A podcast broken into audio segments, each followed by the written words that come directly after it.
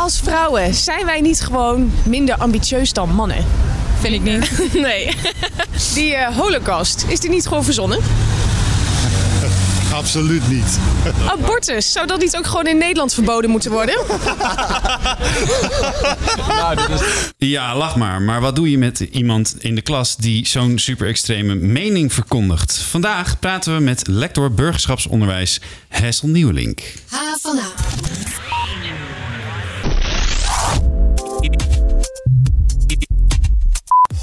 Ja, fijn dat je luistert naar onze podcast. We praten door over het nieuws op en rond de HVA. Mijn naam is Daniel Rommens en tegenover mij eh, zit redacteur Helene Gorres. Hoi Helene. Hallo. En we praten vandaag met Hessel Nieuwelink, dat zei ik al. Hij is lector burgerschapsonderwijs en hij geeft daarnaast ook eh, college aan toekomstige maatschappijleerdocenten. Hessel, hoe reageer jij als iemand zoiets heel extreems door de collegezaal roept? Eh, nou, dan luister je in eerste instantie naar een eh, student, wat hij, hij of zij daarover te zeggen heeft. En dan probeer je vervolgens in een gesprek erachter te komen wat de gedachten daarvan zijn, wat de argumenten zijn, waarom iemand, dat vindt. Eh, maar onder studenten moet ik zeggen, mijn studenten in ieder geval valt het wel mee hoe vaak dit soort dingen gezegd worden. Ik denk dat in voortgezet onderwijs en MBO dit vaker gebeurt. Ja. En dan moet je vooral een dialoog met elkaar aangaan. Oké, heel goed. We gaan het daar straks verder over hebben. Ehm, maar eerst gaan we zoals gebruikelijk even langs het andere nieuws op de HVA. En ik begin bij jou, Helene. Want we trillen dan wel niet meer uit ons stoel hier op de campus eh, tijdens de les. Maar de bouw van het Conradhuis staat niet stil. Wat gebeurt er daar allemaal op dat bouwterrein? Nou, je moet uh, oppassen dat je geen slagboom op je hoofd krijgt als je over de Wieboudstraat aan het fietsen bent. Want sinds kort staat er namelijk naast de ingang van het Koonstamhuis een soort uh, kleine witte loods. En vanuit daar is de portier, daar zit een portier en die portier die bedient de slagbomen bij de Oh. ingang van het bouwterrein. Waar zijn die dan voor? Nou, die slagbomen die, zijn ervoor om het fietsende verkeer tegen te houden op momenten dat er vrachtwagens van het bouwterrein af moeten of het bouwterrein op moeten rijden. Oké. Dus um, soms dan uh, gaan de slagbomen naar beneden en dan moet je op tijd remmen met je fiets, anders dan uh, hang je erin. Ja. Dat uh, wil je niet hebben natuurlijk. Nee. um, als je een beetje um, om je heen hebt gekeken tijdens het fietsen, dan heb je misschien ook wel gezien dat, we, dat er een soort van tijdelijk meertje op het bouwterrein was. En dat was op de plek waar het uh, gemaal met uh, de schildering van Anne Frank eerst stond. Mhm. Mm -hmm. Die, uh, dat gemaal wat nu dus weg is, de bovenkant, dat hield eigenlijk de onderkant op zijn plek min of meer. Maar goed, dat, dat stuk is natuurlijk nu weg. Dus iets anders moest zorgen dat het ondergrondse gangenstelsel niet in zou storten. Oké. Okay. En dat is water. Dus dat water heeft er een hele tijd ingezeten om dat op zijn plek te houden. Toen dat water erin zat, is eigenlijk de binnenkant gesloopt. Dus ook de gangen. Gangenstelsel is helemaal weggehaald. En het water is nu weer helemaal weggepompt.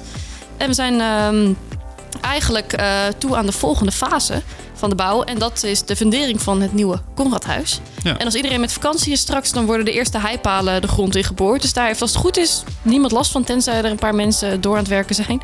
Die uh, hebben dan misschien pech. En de binnenkant, daar wordt ook nog over nagedacht. Want uh, waar moet welke onderwijsruimte komen en waar moeten de opleidingen um, gestationeerd worden in het nieuwe gebouw? Want het is namelijk duidelijk geworden dat de opleiding forensisch onderzoek toch niet in het Koonstamhuis, of in het Conradhuis moet ik zeggen, gaat passen. Oké. Daar moet dus een ander plekje Maar zou voor dat worden de, hele faculteit techniek zou er toch inkomen? Ja, klopt. Dat, dat gaat ook gebeuren. De hele faculteit techniek behalve forensisch onderzoek, die krijgen een andere plek. En het is nog niet duidelijk waar dat dan gaat zijn. Dus Oh. uh, die zit in onzekerheid. Oké. Okay. En uh, uh, hoe is het met die boom die uit logeren is? Ja, die boom die, uh, dat is een beetje een uit de hand gelopen logeerpartij. Die is nog steeds bij boomverzorger Peter Heijman. Die moest aan de kant voor die inrit, hè? Hier, moet ik even erbij zeggen. Klopt inderdaad, ja. Ja. Die is daar uh, weggehaald en die uh, is nu tijdelijk ergens anders ondergebracht. En die komt als het goed is weer terug. Uh, maar op dit moment is die boom lekker aan het genieten van het lenteweer op een locatie in Amsterdam-West. En die wil misschien straks wel helemaal niet meer terug naar de Wiebootstraat. Want? Het is daar een stuk rustiger. En de Wiebootstraat is natuurlijk toch een beetje een, uh, een doorgaand verkeer. Dus um, ik snap die boom eigenlijk wel. En dat vertelde de bomenverzorger natuurlijk aan jou. Absoluut. Ja. Uh, iets anders. Vorige week zat bij ons student Sterre Vreeburg in de studio. En zij ergerde zich aan docenten die veel te laat hun cijfers bekendmaken.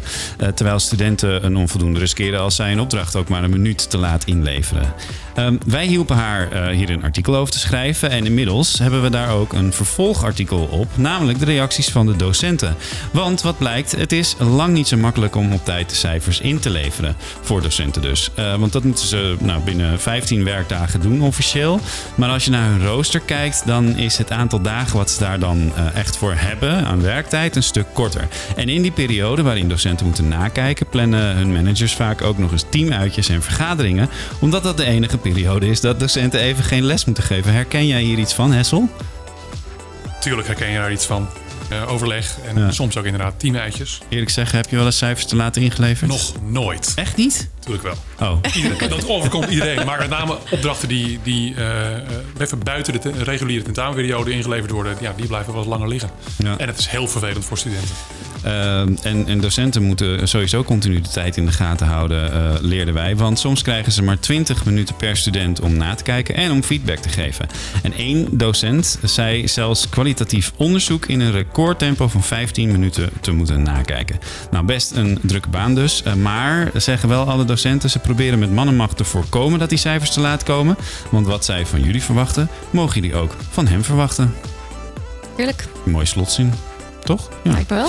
Eh, deze week meldde zich nog een student eh, bij ons die haar werk met ons wilde delen. Rosanne Duinstee studeert maatschappelijk werk en dienstverlening. En zij fotografeerde voor een project over mensenrechten twee drag queens. Heb je dat gezien, alleen die foto's? Ik heb die foto's gezien, ja, heel mooi. Ja, ik vond het heel... eh, ja, het zag er puur uit aan één kant dan, want de andere Ja. kant was eh Ik wou zeggen, ja, die mensen waren dus maar half opgemaakt op de foto's, zodat je ook de persoon achter de make-up ziet. En Rosanne wil met die foto's bewustzijn creëren.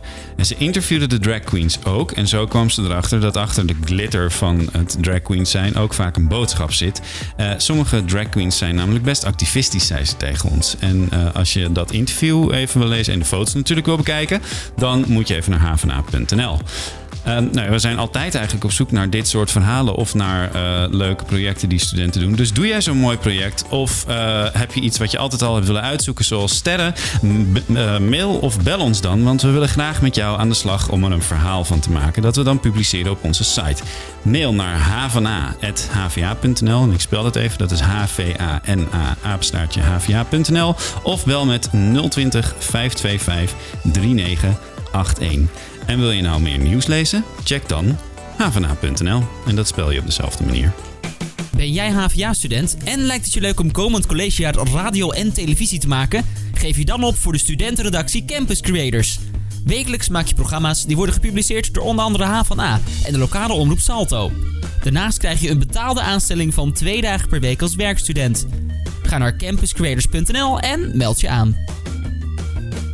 Aanslagen, migratie en homoseksualiteit. Als docent krijg je te maken met maatschappelijke thema's die soms ook heel heftig zijn. En die thema's die kunnen onder jongeren het nodige losmaken. Nou, veel docenten vinden het bespreekbaar maken van zulke onderwerpen echt een mijnenveld. Hoe doe je dat nou goed?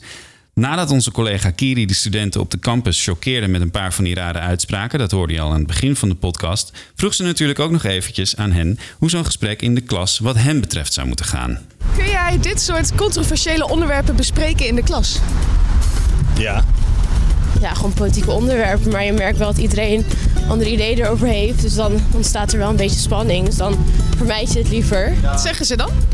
ja gewoon. eh, ja.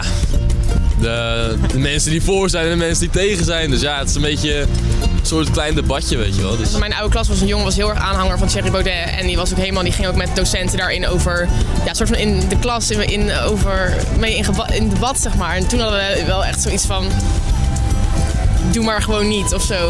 Hoor je wel eens meningen van studenten die echt compleet ingaan tegen die van jou? Ehm, als in over het algemeen? Ja, soms wel.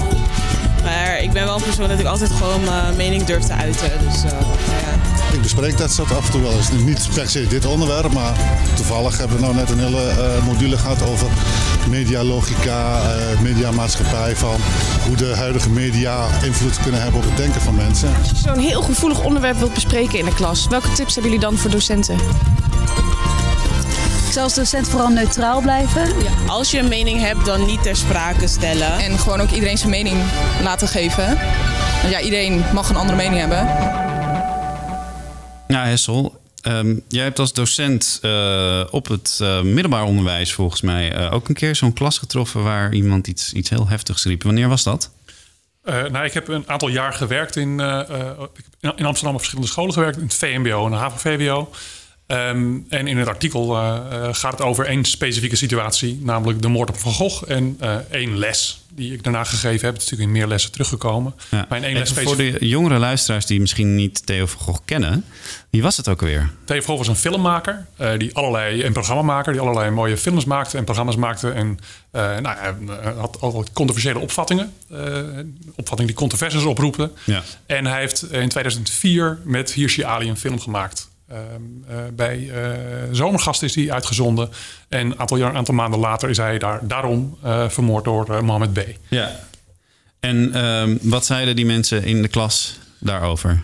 Ehm, in, nou, dat, dat verschilde. Dat is het, ook een van de ingewikkelde aspecten daarvan. Dat een aantal leerlingen die, dat wist ik ook wel, die waren het wel eens met wa- wat Mohammed B. daarvan vond of vindt.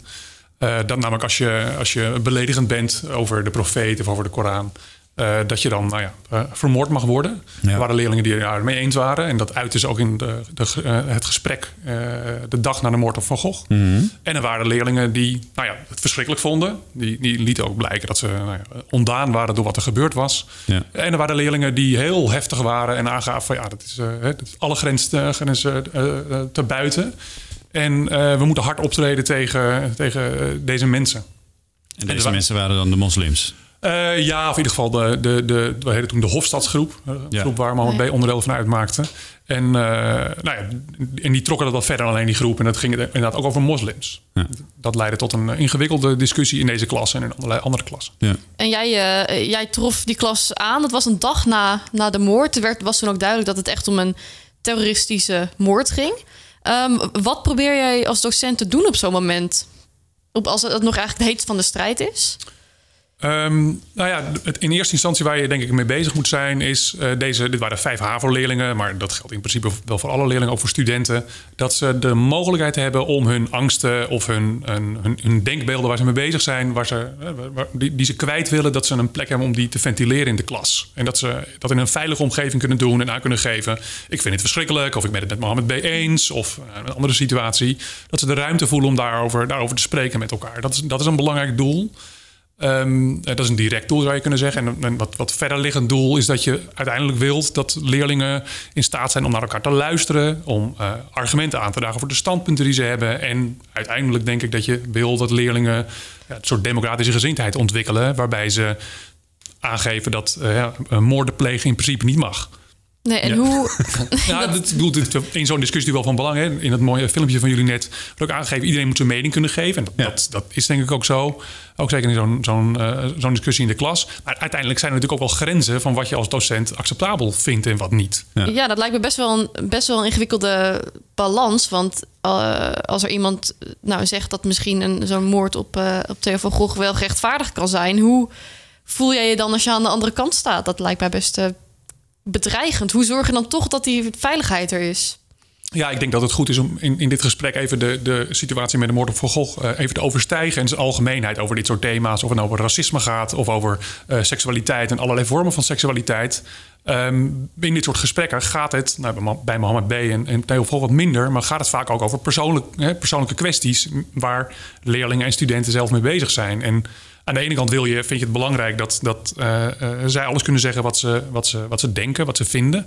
Tegelijkertijd kan dat ook eh, tot gevolg hebben dat andere leerlingen, studenten zich gekwetst voelen. En Dus als jij heftige opvatting over homoseksualiteit hebt, als je de Nashville-verklaring onderschrijft, dan kan dat voor een andere 16-jarige die juist bezig is met erachter te komen dat hij niet eh, heteroseksueel is, kan dat heel heftig zijn. Ja. Dus zomaar zeggen, ik vind dat alles gezegd moet worden, eh, is misschien wat te gemakkelijk. We hebben het hier vorige week nog over gehad met Bowie eh, Jong. Die was bij ons in de studio. Die praatte over homoacceptatie. Ook op de middelbare school. Waar inderdaad dan andere leerlingen tegen hem zeiden van... nou, jij hoort niet in de jongenskleedkamer, want jij bent homo.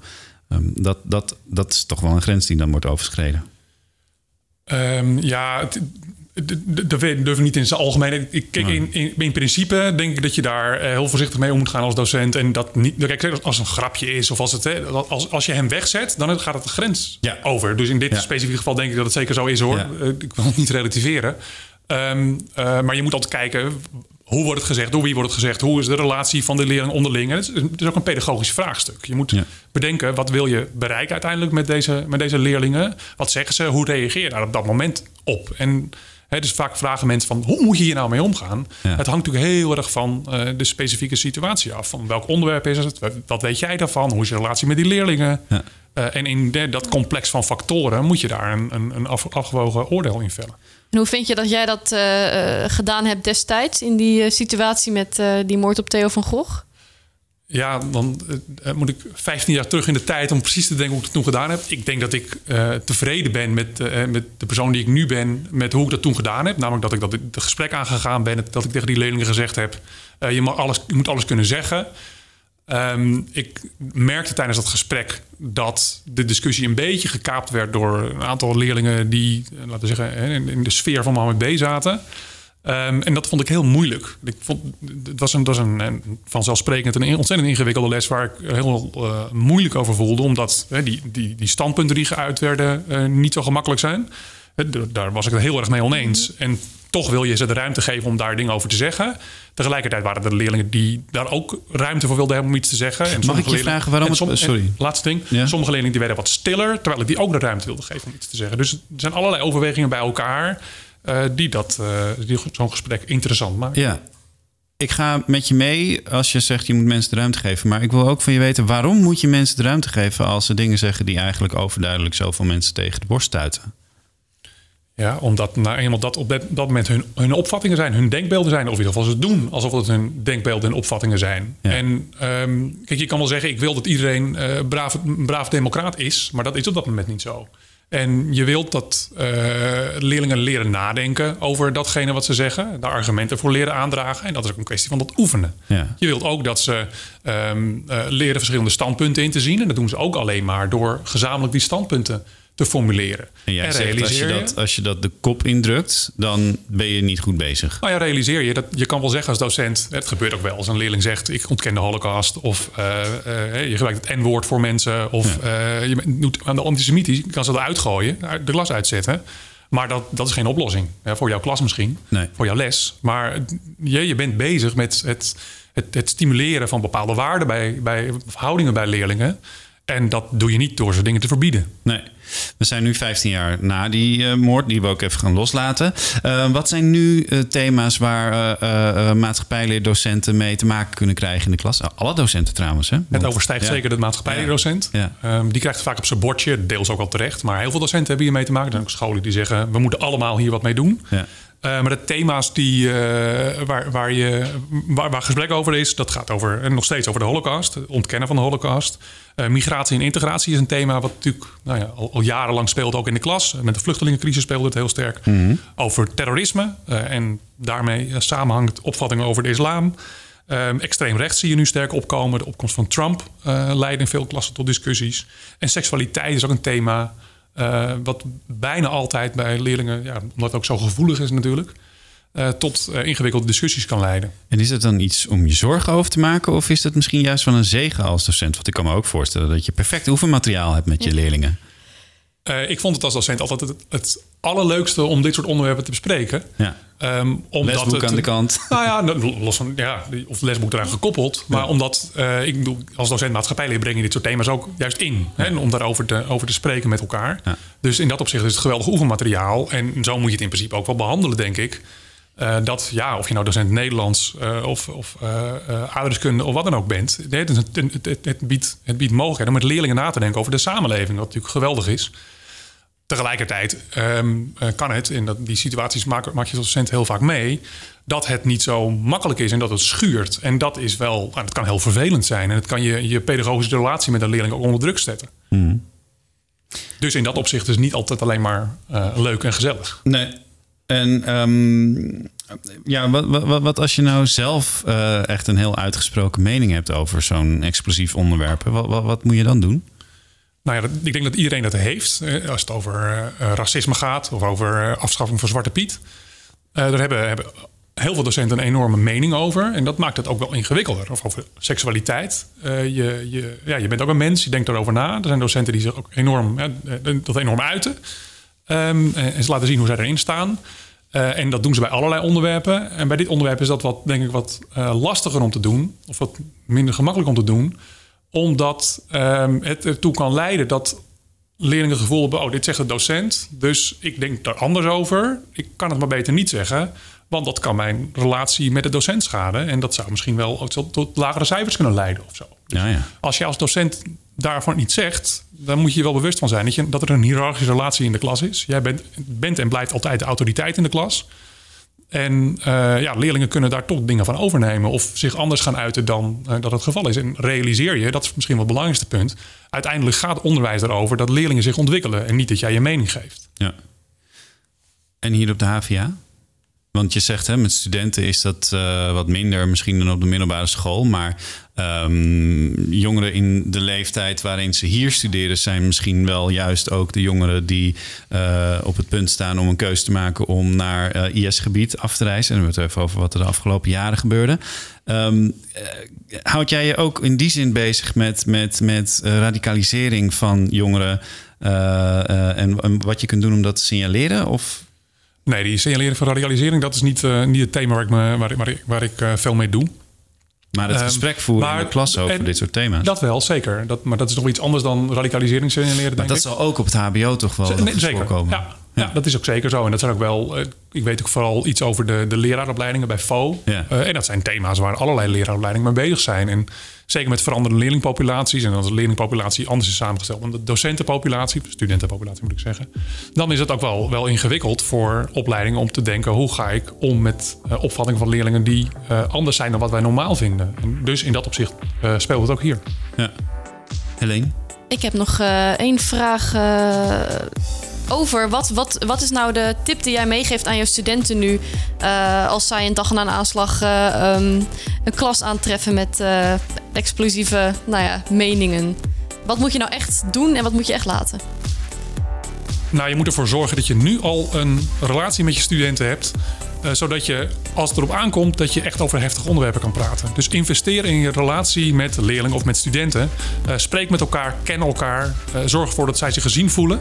Want dan, als het erop aankomt, weten ze ook... oké, ik word als mens geaccepteerd. Er zijn misschien opvattingen die mijn docent niet onderschrijft... of die ingewikkeld zijn. Maar ik mag er als mens zijn. En dat maakt het gesprek wel een stuk makkelijker. Je zegt liever dat mensen zich uitspreken, leerlingen zich uitspreken... dan dat ze zwijgen eigenlijk met hun extreme gedachten. Er zijn situaties dat begrijp ik dat leerlingen zwijgen. Maar ik denk dat het voor een klassengesprek en voor leerlingen zelf en voor studenten ook belangrijk is om het gevoel te hebben dat je dat je, je kan uiten. Dat die ruimte er is. Krijgen alle eh, aankom- aankomende docenten op de HVA hier ook iets van mee? Of is dat vooral bij maatschappijleer waar ze dit soort eh, tactieken aangeleerd krijgen? Dit is natuurlijk eigenlijk een vraag die je aan studenten moet vragen, moet stellen. Ehm, maar we zijn er steeds meer mee bezig. Ja, er zijn steeds meer, zeker bij de tweede graadslerarenopleiding, eh, steeds meer bezig om dit soort eh, vaardigheden bij eh, toekomstige studenten Ja. aan te leren. Ja, want dat kan natuurlijk elke docent overkomen. Dat dat gesprek ineens plaatsvindt. in dit overkomt klas. elke docent, Ja. ja. Eh, dank Hessel voor je komst naar de studio. Ehm, en Helene, fijn dat je weer eens bij me aangeschoven Ja, bent. absoluut. Ik had, eh, ik had een hele serie eh, Kiri eh, hier in de studio. Dus ehm, wil je op de hoogte blijven van al het nieuws en verhalen die we maken? Check dan havana.nl en volg ons op Instagram en Facebook en Twitter. En ook heel belangrijk, elke maandagochtend sturen we je een nieuwsbrief met eh, de beste verhalen van de week daarvoor. Dus schrijf je in op onze website helemaal onderaan op de homepage. Volgende week is er geen podcast, want dan is het hemelvaartsweekend en dan wil je even niks met school te maken hebben, toch? Doe maar gewoon niet of zo. Bedankt voor het luisteren en tot volgende keer. Geen enkele podcast meer missen? Abonneer je dan via SoundCloud of iTunes.